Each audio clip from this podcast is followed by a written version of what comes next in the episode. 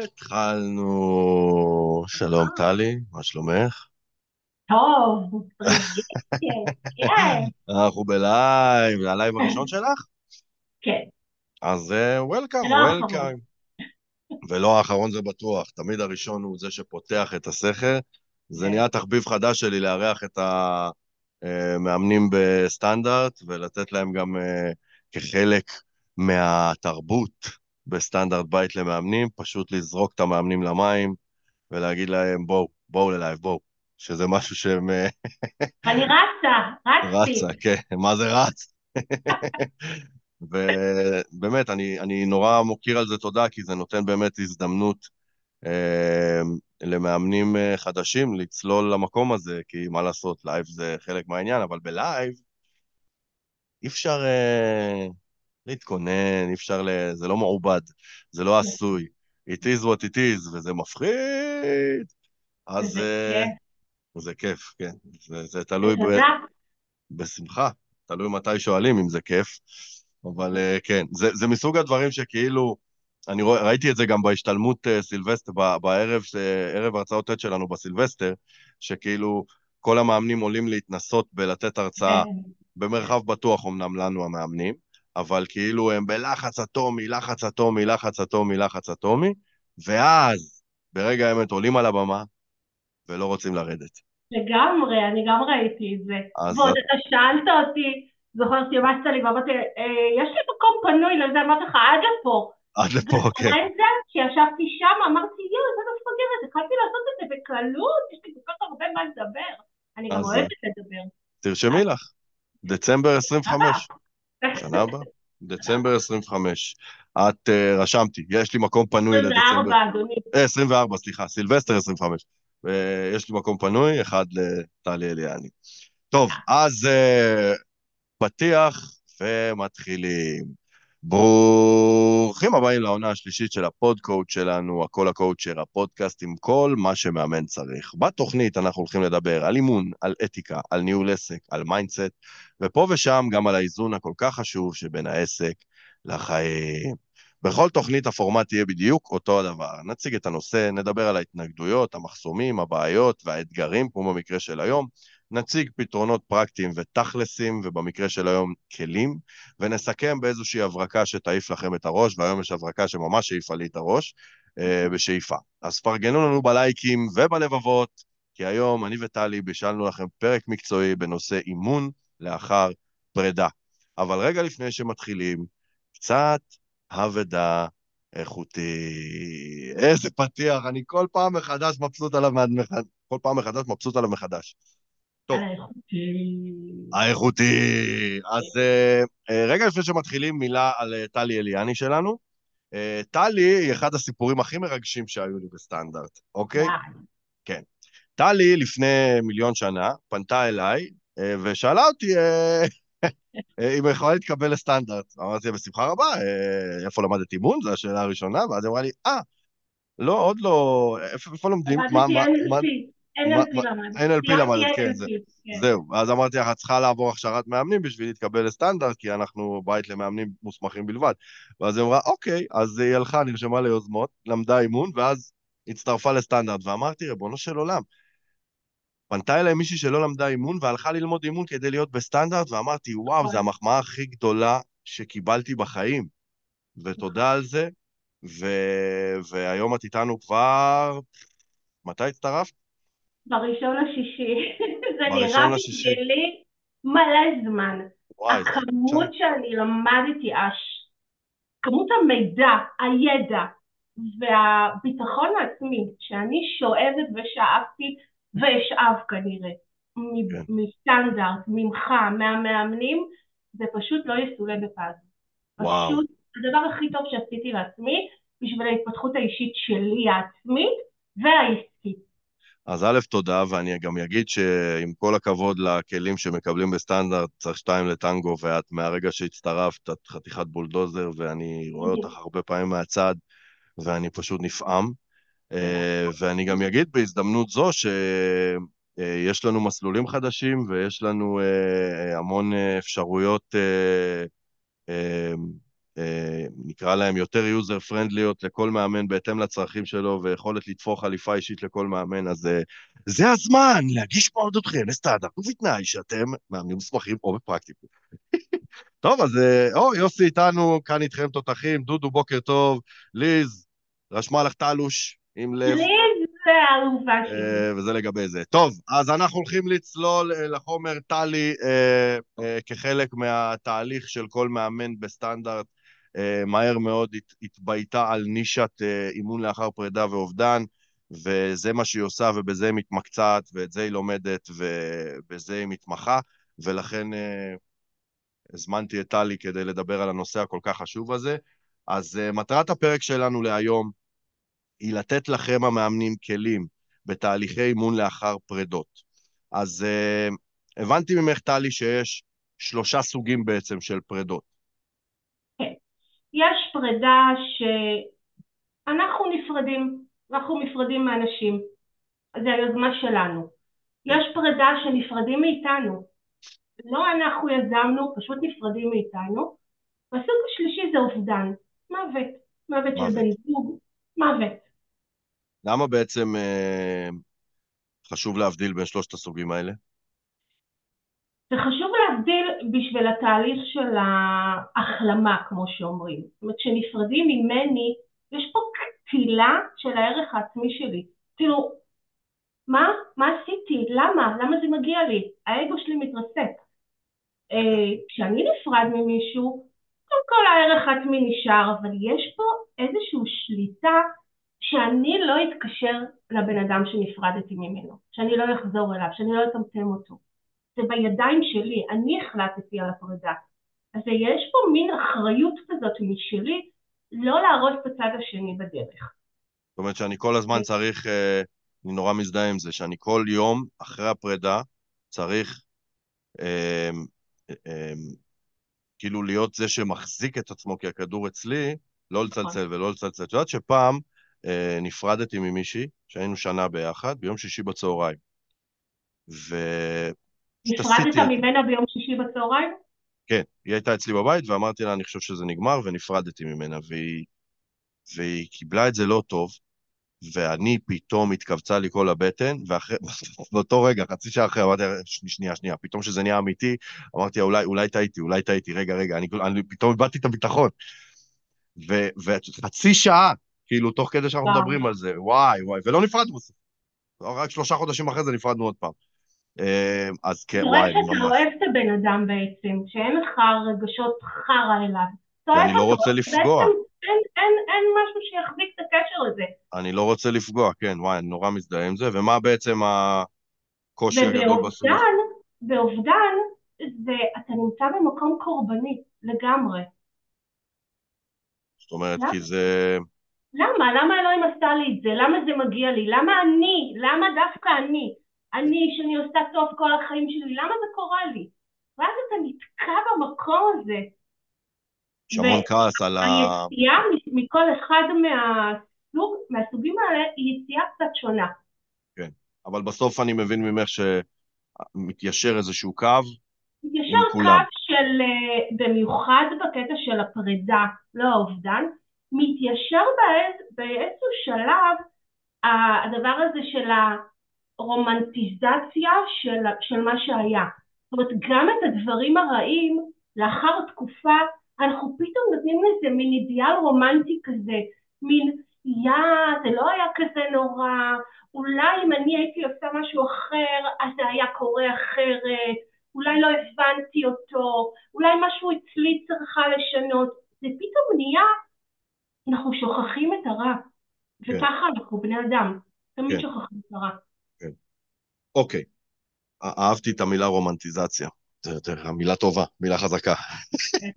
מעכשיו את רומנטיבייזרית. אני, אה, תחליט, אני דרדסטלי, דרדסטלי. אה, תראי לנו את השיער, תראי לנו את השיער, יאללה. אה, לא רואים, לא רואים, לא רואים, לא רואים. לא נורא, טלי עשתה קצוות כחולים כדי להיות דרדס. אוקיי, אז בואי נצלול. מה האתגר הראשון שלנו כמאמנים, הגדול ביותר מול מתאמנים בתהליך לאחר פרידה? בעיניי זה קודם כל לבנות את הערך העצמי של המתאמן, או המתאמנת שלנו. כי משהו שם נפגע, במיוחד כשנפרדו ממני. הערך העצמי יורד לרצפה, יורד. אני לא שווה, אני לא יודעת, למה עשו לי את זה? הערך העצמי יורד. תגידי, הערך העצמי גם יורד בעינייך אצל מי שנפרד ממישהו? זאת אומרת, אם אני נפרד, אם המתאמן שלנו נפרד, אם נגיד אם אני נפרדת ממישהו מערך עצמי שלי יורד, כן. יש בזה משהו קטן, זאת אומרת, יכול להיות שאני אגיד, אי, במיוחד אם זה מערכת יחסים ארוכה, יכול להיות שאני אגיד, אז מה עשיתי איתו כל כך הרבה זמן? איפה את היית בה? למה לא ראית את זה? מה, משהו דפוק אצלך? למה את נשארת בתוך מערכת יחסים שבעצם לא הכי טובה לך בעולם? יש פה גם פגיעה קלה בערך העצמי שלנו, אבל לא כמו שנפרדים מאיתנו, שאנחנו לא ציפינו לזה, או לא רצינו את זה, או לא חשבנו שזה כזה משמעותי הבעיות שלנו בחיים. ופתאום אומרים לנו, יאללה ביי, לא מתאים יותר. אני כן יכול להגיד לך, אמ, בתור מי שבעבר נפרד מחברה, שביום, יומיים שאחרי, כן היה לי, אני אומר את זה בהסתכלות אה, אה, שאני חושב שהערך העצמי שלי כן נפגע, כי הייתי אומר לעצמי משפטים כמו, סליחה, הייתי אומר לעצמי משפטים כמו, למה לא הייתי מספיק חזק כדי להתמודד עם 1, 2, 3 ובגלל זה ברחתי? או, או למה לא מספיק חזק עכשיו כדי לא להתקשר אליה ולשגע אותה? ו, וזה יושב לי, זה ישב לי ממש על הערך העצמי, כל הנושא הזה של הלשלוט בעצמי ולא להתקשר, מתחבר לי לעובדה שאני לא מספיק חזק בשביל, אה, בשביל אה, לעמוד במילה שלי, או לחילופין, אולי לא הייתי צריך להיפרד, ואז זה שוב מחזיר אותנו. אולי אני עשיתי משהו לא נכון, אולי אני טעיתי. כן, כן. אז מה הכלי? איך, איך, עובדי, איך את עובדת על ערך עצמי עם מתאמנים? יש לי כלי נהדר שזה נקרא שאלון אהבה עצמית. יש בו בערך 26 משפטים. סתם אתן לך דוגמה. מתוך ה-26 משפטים נגיד אני סולח לעצמי לעיתים קרובות, או אני מביע כלפי עצמי ביטויי אהבה, או כשאני רואה מה עשיתי אני חש סיפוק. יש לך את השאלון על המחשב? אה, על המחשב אה, כרגע ייקח לי אה, דקה שתיים למצוא, למה? אולי אחרי הפרק תוכלי לשים לנו כזה קובץ בתגובות? אני אצטרף. כן, מעולה. אוקיי, מה את עושה עם השאלון בעצם? אני נותנת לה, אני יושבת מול המתאמן, מקריאה... זאת אומרת, מה זה שאלון? למה שאלון? זה 26... זה משפטים. משפטים. האם אני אוהבת עצמי? יש פה 26 משפטים. נותנת למתאמן לסמן. עם איזה משפטים הוא, איזה משפטים הוא מזהה בעצמו, איזה משפטים הוא מיישם על עצמו, איזה משפטים הוא מתחבר אליהם. אם רוב המשפטים הוא לא מתחבר, לא עושה סימן שהוא לא אוהב את עצמו. הוא לא אוהב את עצמו, ואז מה שאני, אם הוא אוהב את עצמו אז מעולה, אין לנו בעיה בערך עצמי, ואנחנו מתמקדת איתו על המשפטים שבהם הוא לא בחר, ופותחים על זה דיון. אם רוב השאלון הוא לא מזהה בזה, יש פה בעיה בערך העצמי ובאהבה העצמית שלו, ואז מה שאני נותנת לו, אני אומרת לו כל שבוע אתה בוחר משפט אחד מתוך ה-26 האלה, ואתה מיישם את זה על עצמך במשך השבוע הזה. נגיד בחרת, נעים לי לראות את עצמי במראה. יש לי הרבה מתאמנות שמגיעות אליי, לא מרוצות מעצמם. עכשיו זה חלק מ... כשנפרדים מהם זה ישר פוגע להם בראש, כן אני שמנה, כן אני מכוערת. הזה שלי ככה, הזה שלי ככה. אז אני אומרת, אוקיי, קחי את המשפט הזה, וכל יום במשך השבוע הזה את מיישמת את זה, בכוח, בכוח. מה המשפט אומר? להסתכל במראה. להסתכל במראה ולתת מחמאות לעצמי. לבחור mm. נקודות שבהן אני אוהבת את עצמי. יואו, השיער שלך היום אחלה. איזה יופי האודם ששמת היום. אז כל שבוע וכל יום את רושמת בערב את הרגע שעלה לך, מה זה עשה לך, כל שבוע משפט אחר. ממש משנה את הדיסק בראש לעשות את הדברים האלה. לגמרי, מתאמן. אז את אומרת, אז אם אני מבין נכון, זה מין מסמך שיש בו 26 משפטים. את אומרת לי בהתחלה, אני מנסה לה, כאילו לייצר פה פרקטיקה. אז בעצם אני אומר למתאמן, קח את המסמך, סמן עם איזה אתה מתח... לאיזה אתה מתחבר, מזדהה, או מה מתקיים בחייך. למשל, משפט אחד, אני מסתכל במראה ומחמיא לעצמי. אם זה נכון. קורה בחיי, אז אני מקיף את זה, ואם זה לא קורה בך, אני לא מקיף את זה, כנ"ל לגבי כל 26 משפטים. סיימתי את התרגיל, הקפתי רק שלושה. מתוך 26, סימן שאני כנראה פקקט, אוקיי? ועכשיו, מפה אני אומר למתאמן, בחר משפט אחד, יישם אותו השבוע. כל שבוע תבחר משפט שאתה מתחייב ליישם אותו. כן. כל שבוע וליישם אותו כל השבוע, גם אם זה קשה לך. אם היית, אה, זה, את קלה בשידור חי, אם היית צריכה לבחור משפט אחד על עצמך, על שאת, עצמי? שאת לא מסמנת והיית רוצה לתרגל השבוע, מה הוא היה? מה הוא היה? כמה זמן, כמה זמן. מהר, מהר, כמה זמן. לא, לא, לא, לא, את האמת, כשאני מילאתי את זה, כל כך עפתי על עצמי, אמרתי, וואו, הכל יש לי פה. הייתי מאוהבת בעצמי. ערך עצמי גבוה בשידור חי. הייתי מסמנת, מאוד נוח לי עם הגוף שלי. כי מה לעשות, לא מאוד נוח לי עם הגוף שלי, לא תמיד. אז עכשיו מה, מה המשימה פה ליישום?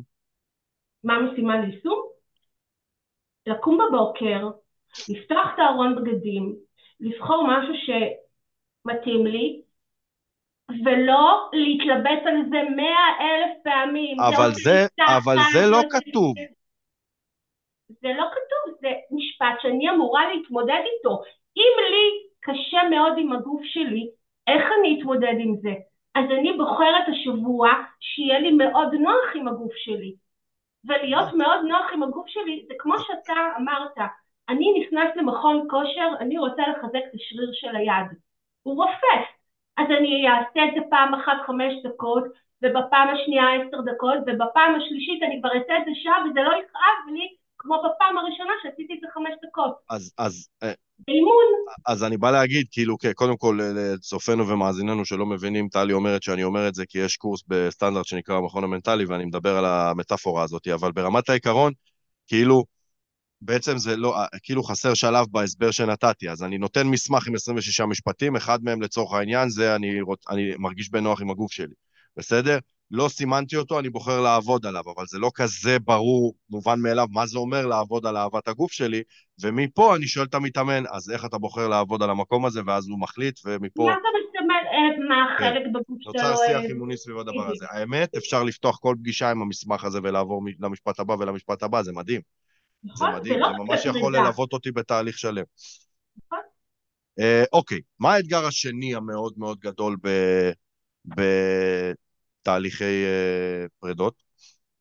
דבר השני זה להיות בעשייה, כי בדרך כלל כשאנחנו נפרדים אנחנו נכנסים למין אינוס עצמי כזה שאין לנו חשק לעשות כלום. הם שוכבים במיטה, בוכים, מדמיינים, אין חשק ללכת לעבודה, אין חשק להיפגש עם חברים, אין חשק לעשות שום דבר. נהיה לנו כלום. כן. ואנחנו צריכים למצוא מטרה אימונית. שזה הכלי בעצם. רק לי. אני אומרת למתאמן שלי, אוקיי, בוא נמצא מטרה. מה אתה רוצה לעשות? אוקיי. מפה אני אגיד משהו אחד. Uh, אני חושב ש... גם על זה היה לנו דיון שלם בפורום uh, השנה, uh, השנה, השבוע, uh, השנה. Uh, אני חושב שהמלכודת דבש שלנו כמאמנים בתהליכי אימון לאחר פרידה הוא להיגרר במרכאות למקום הרגשי המסטיקי במרכאות, 12 אה, מפגשים. נכון, כי, כי המתאמן, כי הרגש שולט, כי הכל מאוד אמוציונלי, והמתאמן בקרשים, נכון. והוא בדיקי, והוא לא בעשייה, ואין לו ערך עצמי, ועכשיו כל מה שאני רוצה לעשות בתור שליח, שרוצה להציל ולהושיע, זה להרים אותו נפשית. נכון. ופה זאת מלכודת הדבש שלנו. כי זאת מלכודת דבש, זה הכי כיף בעולם בתור מאמן, לשבת ולאכול את הראש על הקשיים. אבל כאן אנחנו חוטאים למטרה. רוב המאמנים, אני לא רוצה להכליל, הרבה מאמנים אה, שוכחים, סלש, פחות אוהבים את הפן המעשי שבתהליך האימוני, אבל זה מה שמבדיל אותנו משאר הדיסציפלינות, טיפול, ייעוץ, מנטורינג וכולי. נכון. באימון חייבת להיות מטרה אימונית מדידה. עכשיו, על אחת כמה וכמה, בתהליך לאחר פרידה, שהוא בכותרת שלו רגשי מאוד, ודווקא שם, לא לתת למתאמן להיות במקום הזה, וזה חבל נכון. ההצלה שלו, הוא לא בעשייה. בדיוק, לתת לו לזוז, בדיוק. עכשיו, בפורום, עלו המון אה, בדיון אה, על איך הופכים מטרה אה, שנקראת להתגבר על האקסית לאימונית, עלו המון שאלות יפות, כי נשאלת השאלה איך מתחילים בכלל להציב מטרה אימונית. ואז עלו כל מיני שאלות של איך נראה היום שאחרי שהתגברת? איך זה בא לידי ביטוי? מה הסימן? איך זה יקרה? איך זה ייראה? ואז הוא יגיד מה שהוא יגיד, ומפה, מה זה אומר?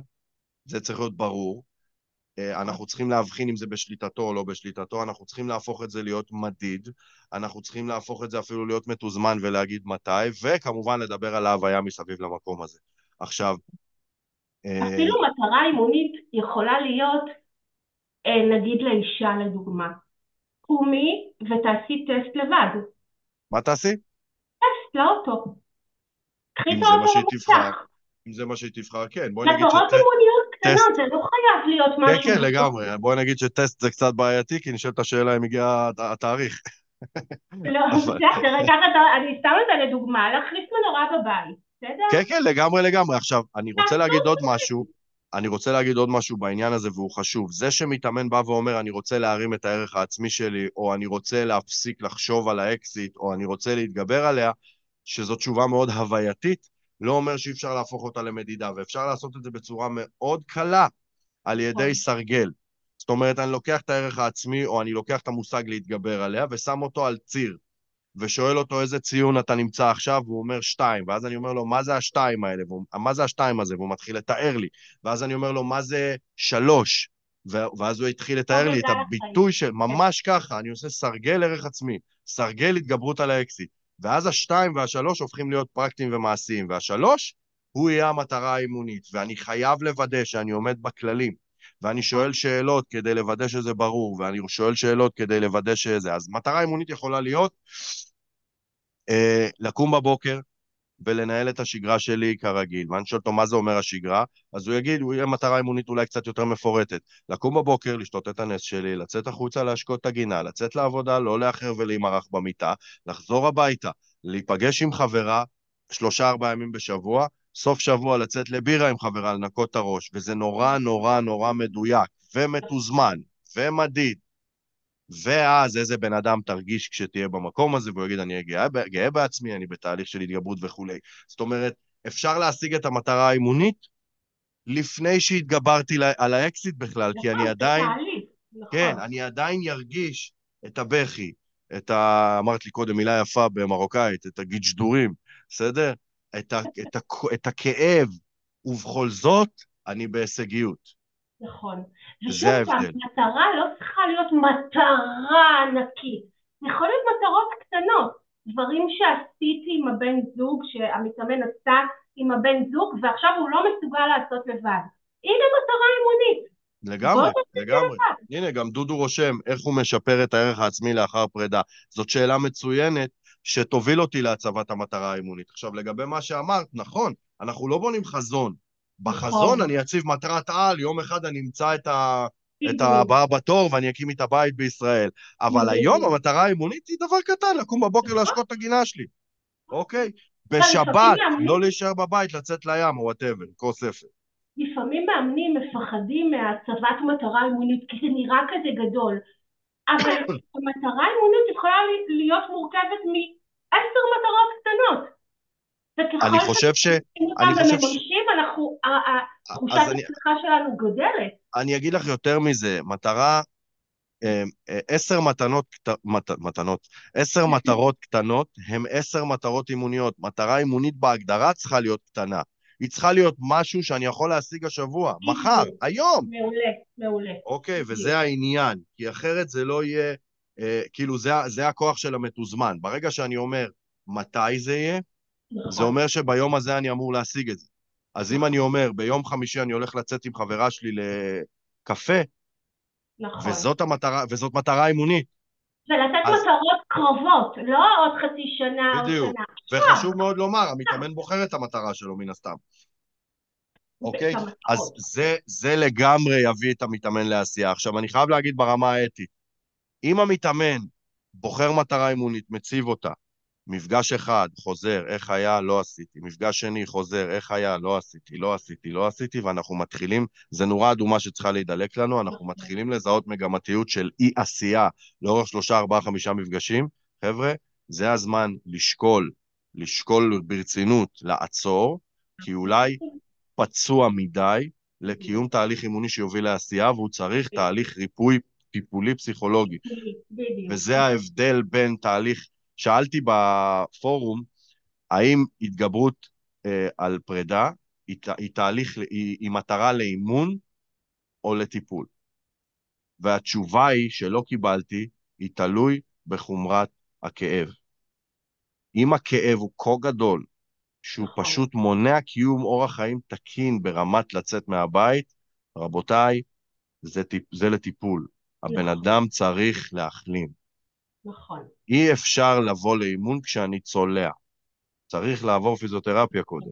נכון, אוקיי? בגלל זה אובדן זה קצת בסימן שאלה למטרה אימון. אני מסכים לחלוטין, כן. ופה נדרשת, אני לא אומר לשלול על הסף, לא. כי אולי הוא כן במסוגלות מסוימת, אבל אני כן אומר לקבל את ההליך ולהיות עם האצבע על הדופק. אם הבן נכון. אדם שלושה, ארבעה, חמישה מפגשים לא זז מילימטר, אפילו שמונה ל, ל, ליותר אה, מכילים, הוא לא זז מילימטר, רבותיי, להפנות, להפנות, להפנות. אבל אם הוא כן בעשייה והוא כן אה, משתף פעולה עם התהליך, אגב, בכל חוזה של תהליך אימוני, יש. סעיף, המתאמן מתחייב לשתף פעולה עם התהליך. אז אם הוא לא משתף פעולה עם התהליך והוא לא מבצע שום דבר, חבר'ה, הוא מפר חוזה, ברמה הכי עסקית אתית שיכולה להיות. עכשיו, הוא לא עושה את זה כי הוא... לא... נכון? כן, לגמרי. לגמרי, לגמרי, לגמרי. עכשיו, זה לא שהוא עושה את זה כי הוא נוכל. הוא עושה את זה כי הוא לא יכול, הוא פשוט לא יכול. אז אני תמיד אומר, זה הפידבק הכי טוב שאתם יכולים למצוא. אם מתאמן שזקוק לטיפול מגיע לאימון, אנחנו נראה שהוא לא מצליח להיכנס לעשייה. אם מתאמן שזקוק, אם לקוח, יותר נכון, שזקוק לאימון, הולך לטיפול, המתאמן ירגיש, סליחה על הביטוי, שזה זיון שכל, שמורחים את הזמן.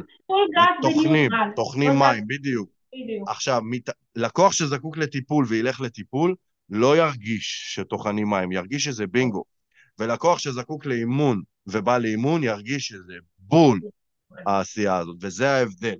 אמ, ענבר אשמה, השאלה מתי מרימים ידיים, האם עבודה על הימנעות ודחיינות גם יכולה להיות מטרה?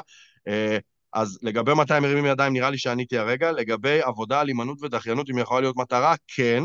אבל אם, אם אנחנו מדברים על מטרה אימונית, היא חייבת להפוך להיות מדידה, וזה מחזיר אותי לסרגל שדיברנו mm. עליו, אז אני אשים את ההימנעות, קודם כל הימנעות ודחיינות זה דפוסים מעכבים, אז אני אעבוד על ההפך, נכון. אז דחיינות, ההפך זה אולי טקטוק או עשייה, והימנעות זה התעמתות, ואז אני אשים את זה על סרגל, אשאל אותו באיזה ציון הוא על ציר ההתעמתות, והוא יגיד שתיים, ומה זה שלוש, ובום, מטרה אימונית, אוקיי? וזה יכול להיות הימנעות ודחיינות, יכול להיות סיבה מאוד מאוד חזקה בפרידה, בלגרום, ב, ב, במצב שבן הזוג נפרד ממני, או במצב שאני נפרדת מבן זוג, כי אני נמנעתי כל, ה, כל המערכת יחסים הזאתי מלעמוד על שלי, מלהגיד דברים, מלעשות... לגמרי.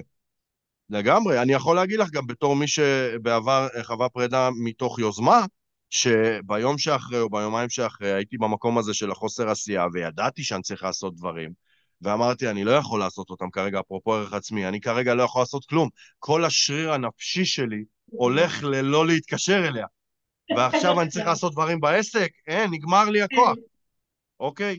אז זה לגבי זה. Uh, מה האתגר השלישי? האתגר השלישי זה למלא את הרק הגדול. את הריק? ריק? ריק? ריק, את הריק הגדול שיש לנו, ריק, ריק, איך אומרים? לא יודעת. ריק, אמפטי, אמפטי. אמפטי, אמפטינס. למה את מתכוונת בריק? אמ, לא בא לנו לעשות כלום, אנחנו לא יודעים מה אנחנו רוצים לעשות. כן, אבל מה זה ריק? ריק זה כלום. זה חלל. למה יש לי ריק בעצם? למה יש לך ריק? כי היית בזוגיות. היה חלוקת תפקידים מסוימת שעשו. היה לך תמיד עם מי לדבר, היה לך תמיד מה לעשות, ולפעמים גם את החלומות שלך שמת בצד, כי עכשיו אנחנו מפרנסים את הבית, כי עכשיו אנחנו uh, מגדלים את הילדים, כי לימדו אותנו שללכת לעבוד זה צריך להביא פרנסה, וזה גם מה שהיה לנו בתוך הבית, ולימדו אותנו שאבא ואימא בתוך בית, אז צריך להתייחס לילדים, איפה אנחנו, ואז שכל המערכת הזאת איננה, נגמרה, נשארתי עם משהו, עם חלל, איך אני ממלאה אותו. ובמה אני ממלאה אותו אני לא יודעת. אני כל החיים שלי הייתי אישה, עקרת בית, אה, מפרנסת, לא משנה מה. אפילו אה, אישה קרייריסטית, ש, שכל החיים שלה הייתה בקריירה והבעל דאג לילדים ולבית. פתאום יש לה ריק. את אותי זה לוקח למקום של כאילו, אה, אני קם בבוקר, אני הולך לעבודה, נפרדתי, לא נפרדתי, זה כנראה ימשיך להתקיים. ואז אני חוזר הביתה, אני עם אשתי, אני עם הילדים, הבית מלא. עכשיו, זה גם הרבה פעמים מפוצץ אותי, כי את יודעת, אני לא נח שנייה, אני בא מהעבודה, אני לא יורד מהרגליים, אוכל, קלחות, זה, יושבים שנייה לאכול, קמים, מפנים, בקיצור. אז, אה, אז אני אומר, אה, פתאום נפרדים, לצורך העניין אני יוצא מהבית, טפו טפו לא עלינו, אני יוצא מהבית, לוקח לי דירה לבד, הולך לעבודה, חוזר. לבית ריק. ולפעמים גם החברים נעלמים, כי החברים הם חברים משותפים. והם נשואים. מה עושים? אתה לא יכול להיפגש איתם כי לא בא לך לשמוע מה היא עשתה, אם יש לה בן זוג חדש. אה, משותפים של שנינו, וואי, לא חשבתי על זה אפילו. ברור. Uh, טוב, למזלי עם אשתי זה לא כך. למזלי אני לא רואה נפרדים אחר. אבל כאילו, אני אומר, לא, לך, עם אשתי זה נורא מסודר, יש לי את החברים, יש לנו את החברים שלה ואת החברים שלי. אבל תחשוב, תחשוב שיש לכם חברים, ונחשוב נגיד שאתם שנים ביחד. כן, כן, לגמרי. לגמרי. וואו, מה עושים? אבל אני, אני חושב רק על זה שאני כאילו אגיע הביתה, ואין לי את הרעש הזה יותר. ריק. שקט. נכון. אז עכשיו זה קצת פתה אותי, האמת, ליום-יומיים. אבל, אבל, אבל אחרי זה זה יהיה פשוט חלל. אני זוכר ש... את יודעת, בין הפרידה מהאקסיט לתקופה שאני ואשתי התחלנו לצאת, עבר כמעט שנתיים, שבהם גרתי לבד בדירה, אוקיי? עם כלבה אמנם, אבל לבד. כשאשתי נכנסה לגור איתי, אני זוכר פעם ראשונה את היום, אני ממש זוכר את היום הראשון שבו חזרתי מהעבודה, כשהבית שלי לא ריק. אשתי כבר נכנסה. אז תקשיבי טוב, נכנסתי בדלת, והערכתי, אשתי כנראה התקלחה, והערכתי חומרים שלא נמצאים אצלי בבית, כי לנשים יש מלא שטויות במקלחת. הרחתי קונדישיונר, הרחתי, לא יודע, לי יש רק שמפו. בסדר, אין לי שיער אפילו, אני, אני שם שמפו על החזה. והרחתי פתאום, הרחתי ריח אחר פתאום. הרחתי סיר מהמטבח. ופתאום משהו בבית ובנשמה שלי התמלא. וזה היה פשוט... נכון. וואי, הריק הזה הוא חתיכת דבר. מה היה חסר לך גם. לפעמים כשזה, אני... פתאום אתה אומר, וואו, לא שמתי לב לזה אף פעם כן, שזה חסר לי. כן, אז אני לא, אני כבר שמתי לב לזה, אבל כן, הריק הזה הוא קשה. אז מה, מה, מה עושים? מה הכלי? רגע, דודו רשם לנו, אתה יכול לשלוח את הסרגל עם השאלות אימוניות? אני, אני יכול לכתוב את זה בתגובות, אין לי איזה משהו אה, אה, קונקרטי, זה פשוט לקחת כל דבר שבעולם ולשים אותו על סרגל, אבל אני, אני אכתוב את זה בתגובות, כן, באהבה. מה, מה הכלי? יש לי כלי נהדר שנקרא ארכיאולוגיה של חלומות. ארכיאולוגיה של חלומות. ארכיאולוגיה של חלומות. וואו. זה בעצם, אה, זה המטרה שלו, זה בעצם להעלות לנו מחדש חלומות שקברנו בעבר, כשהיינו ילדים, וזה מעורר לנו את הדמיון, אתן לך למשל, בוא, בוא ננסה את זה עליך, בסדר? או, או, עכשיו אנחנו מדברים. תן לי שלושה דברים שטותיים שטותיים שהיית שמח לנסות? שטותיים? לנסות, ללמוד אפילו. רפטינג, אני לא יודע אם זה שטותי, זה כאילו לקחתי את התחביבים. שטותי בעיניך. כן, רפטינג, הייתי נוסע לחו"ל לעשות רפטינג, זה משהו שאני תמיד רציתי, אני מת על זה. מה עוד שטותי?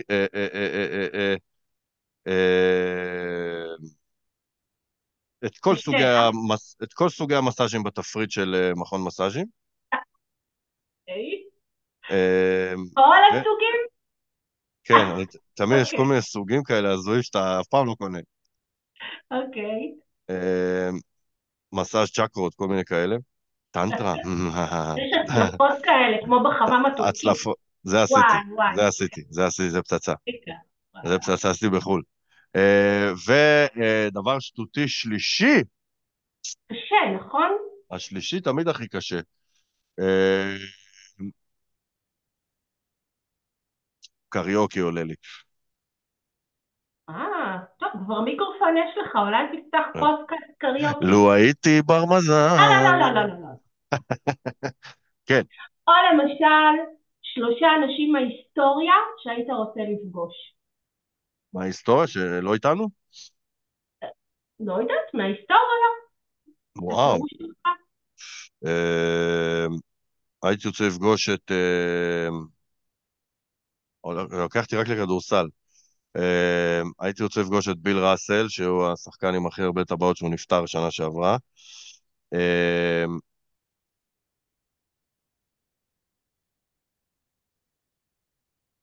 וואו, הייתי רוצה לפגוש את אה, יהודה ברקן, וואלה. כן. למה דווקא אותו? אני, הדבר שהוא עשה שהכי אהבתי בכל הדברים שהוא עשה זה את הפספוסים, איך קראו לזה?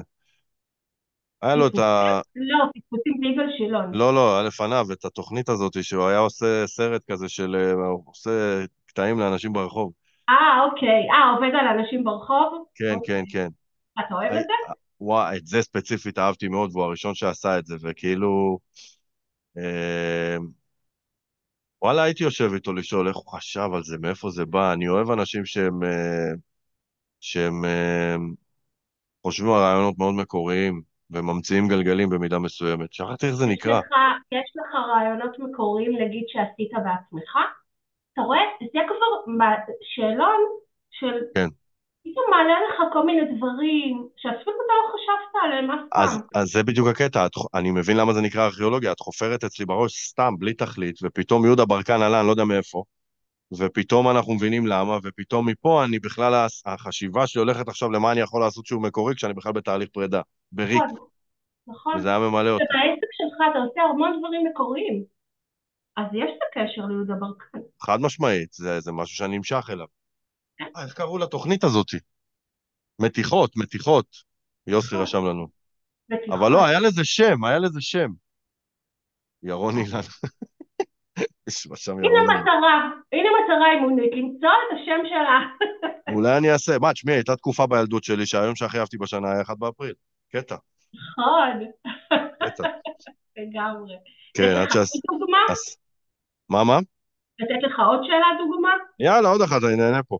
יאללה, שני מקצועות שהיית רוצה לעבוד בהם ולא נראים לך הגיוניים. ולא נראים לי הגיוניים? אמ, אמ, מאמן כדורסל ב-NBA, או שחקן כדורסל ב-NBA, זה יותר לא הגיוני.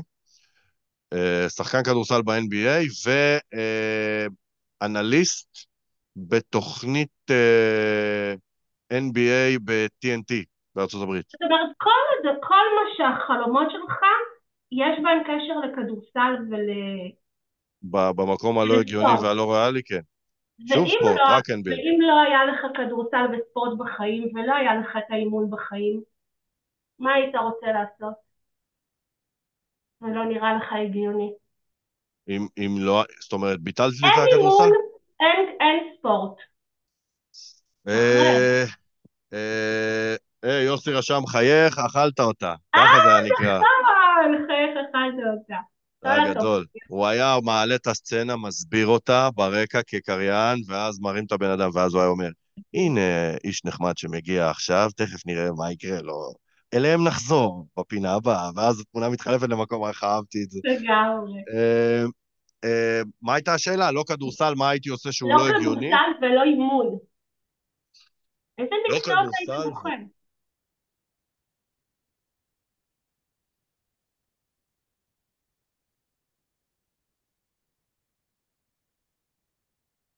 הייתי בוחר להיות אה, כמו אה, גידי גוב ואהרוני שהלכו לטייל בעולם ולעשות אה. תוכניות, אה, אה, תוכניות סביב האוכל בכל אה, מקום.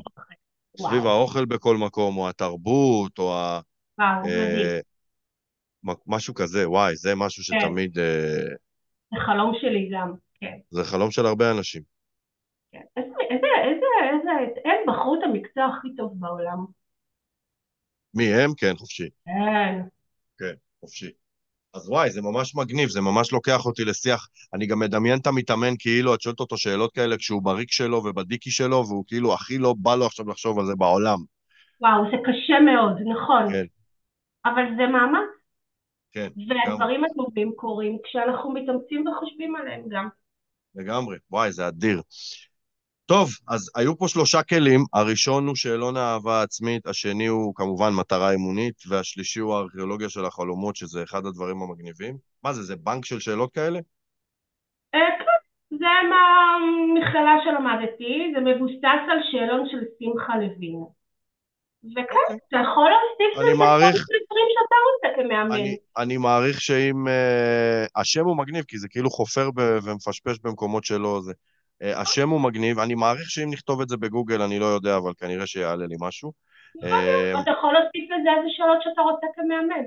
כן. אבל שזה צריך להיות משהו שהוא שטותי, קליל, מצחיק, כזה. כן. ומתוך המקומות האלה, גם בשאלון האהבה העצמית וגם בארכיאולוגיה של החלומות, אפרופו, אפרופו על השאלה איך אני מחבר עכשיו מתאמן שנמצא בקרשים לתוך מטרה אימונית. אני יכול נכון. לקחת את שאלון האהבה, של ה... אני לא מרגיש בנוח מול המראה, ולהפוך את זה למטרה אימונית. ואני יכול לקחת את הארכיאולוגיה של החלומות ולהפוך את זה למטרה נכון, אימונית. נכון. מדהים. גם דברים צצים תוך כדי שיחה. אני, אני, אני יכולה לבוא לפגישת אימון, להכין לי סט של שאלות ולהשתמש רק באחד מזה, כי דברים יצוצו לי במהלך הפגישה, במהלך האימון, שיגרמו לי לשאול שאלות אחרת ויפתח עולם אחר לגמרי. מדהים, מדהים. אז לצורך העניין, כשאמרתי, אה, אה, לא יודע, מה הכי פשוט שאמרתי? קריוקי, בסדר? כאילו, כי זה ממש לא מסובך. עכשיו אני יכול לקחת את הקריוקי ולשאול, בא לך? ואז הוא יגיד כן. ואז אוקיי, בוא נהפוך את זה למטרה אימונית. מתי אתה הולך לעשות את זה? נכון. מה זה אומר ללכת לקריוקי? בוא תדייק לי את זה, לקבוע איפה. הולך. איפה עושים קריוקי, לאן הולכים, טה-טה-טה. נכון. פתאום נוצרת, ממש, מטרה אימונית. ביום חמישי אני יוצא עם חבר שלי, לקריוקי ב... לצורך העניין נתניה, אה, בשעה תשע, שמונה, עשר, מתי שאתה רוצה, והולך לשמוע שם את אה, פרח השכונות של טיפקס לשיר, וכשאני אעשה את זה אני ארגיש לרגע אחד חופשי. מהכאב. וואו, וואו, מטרה מדהימה. אפשר להעלות את התאריך, את התהליך בכתב? תסביר, דודו, למה אתה מתכוון? אה, אוקיי, אז לסיום, יאללה. אני אוהב לסיים את הפרק באיזושהי הברקה שלך. אז uh, קדימה, תביא לי אותה בהברקה.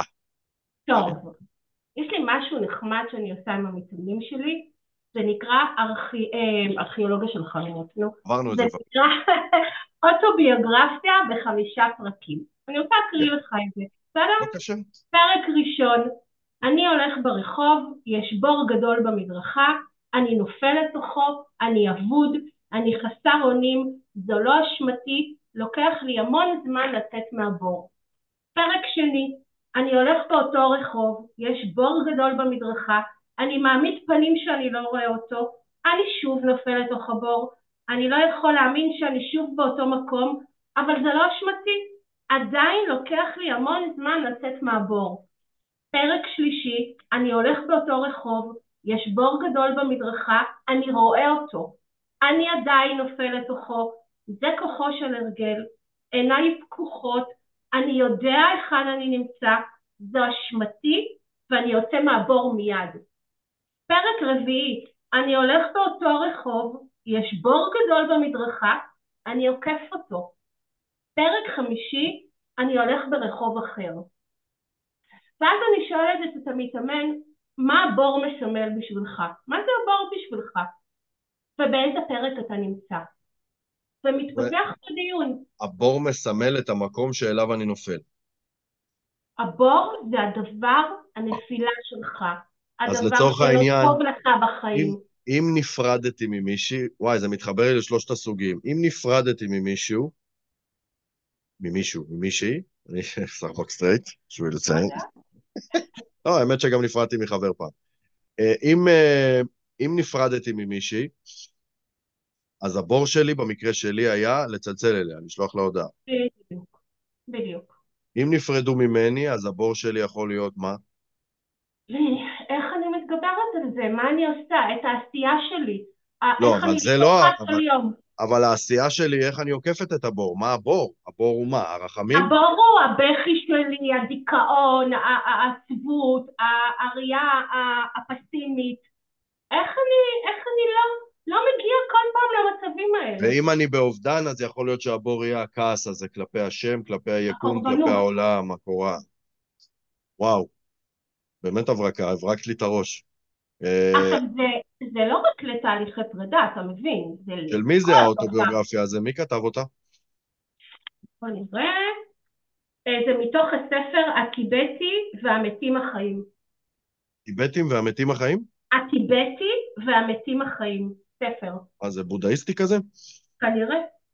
אוקיי. זה כלי שלמדנו במכללה. אז בעצם אני לוקח את הדבר הזה, קורא את זה, זה דקה.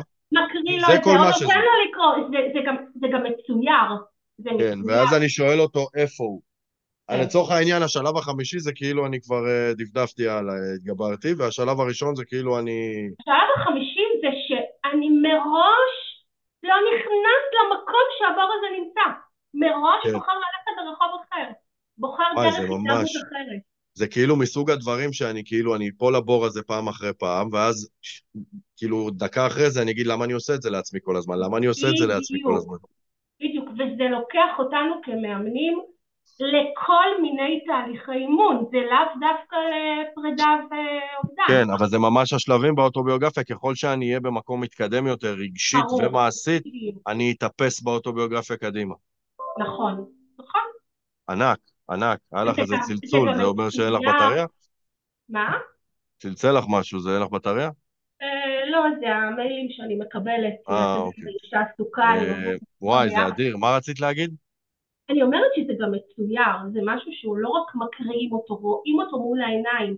יש תמונה של הבור, של הבן אדם הנופל ושל הרחוב, ככה שזה גם ממחיז את זה. כן. זה משלב כל מיני, משלב גם תחוש הראייה, לא רק את ה... לגמרי. כן. Uh, אני אגיד לסיום, למרות שאני ממש לא רוצה, uh, כאילו, אני אוהב לשמור את הטוב לסוף, וזה חתיכת דבר טוב, uh, אבל אני כן אגיד משהו קטן שכתבתי לי, פגשתי היום משפט יפה לפני הפרק שלנו באינסטגרם. מה? והוא רשם, uh, שהרבה אנשים נמצאים במקום שאומר, כשמה שאני ארצה יקרה סוף סוף, אז אני אמצא את השלום הפנימי, את ה-peace of mind שלי. בואו נעשה דבר והיפוכו. בואו נמצא את ה-peace of mind, ואז מה שאני ארצה כבר יקרה. וזה נכון לפרידה.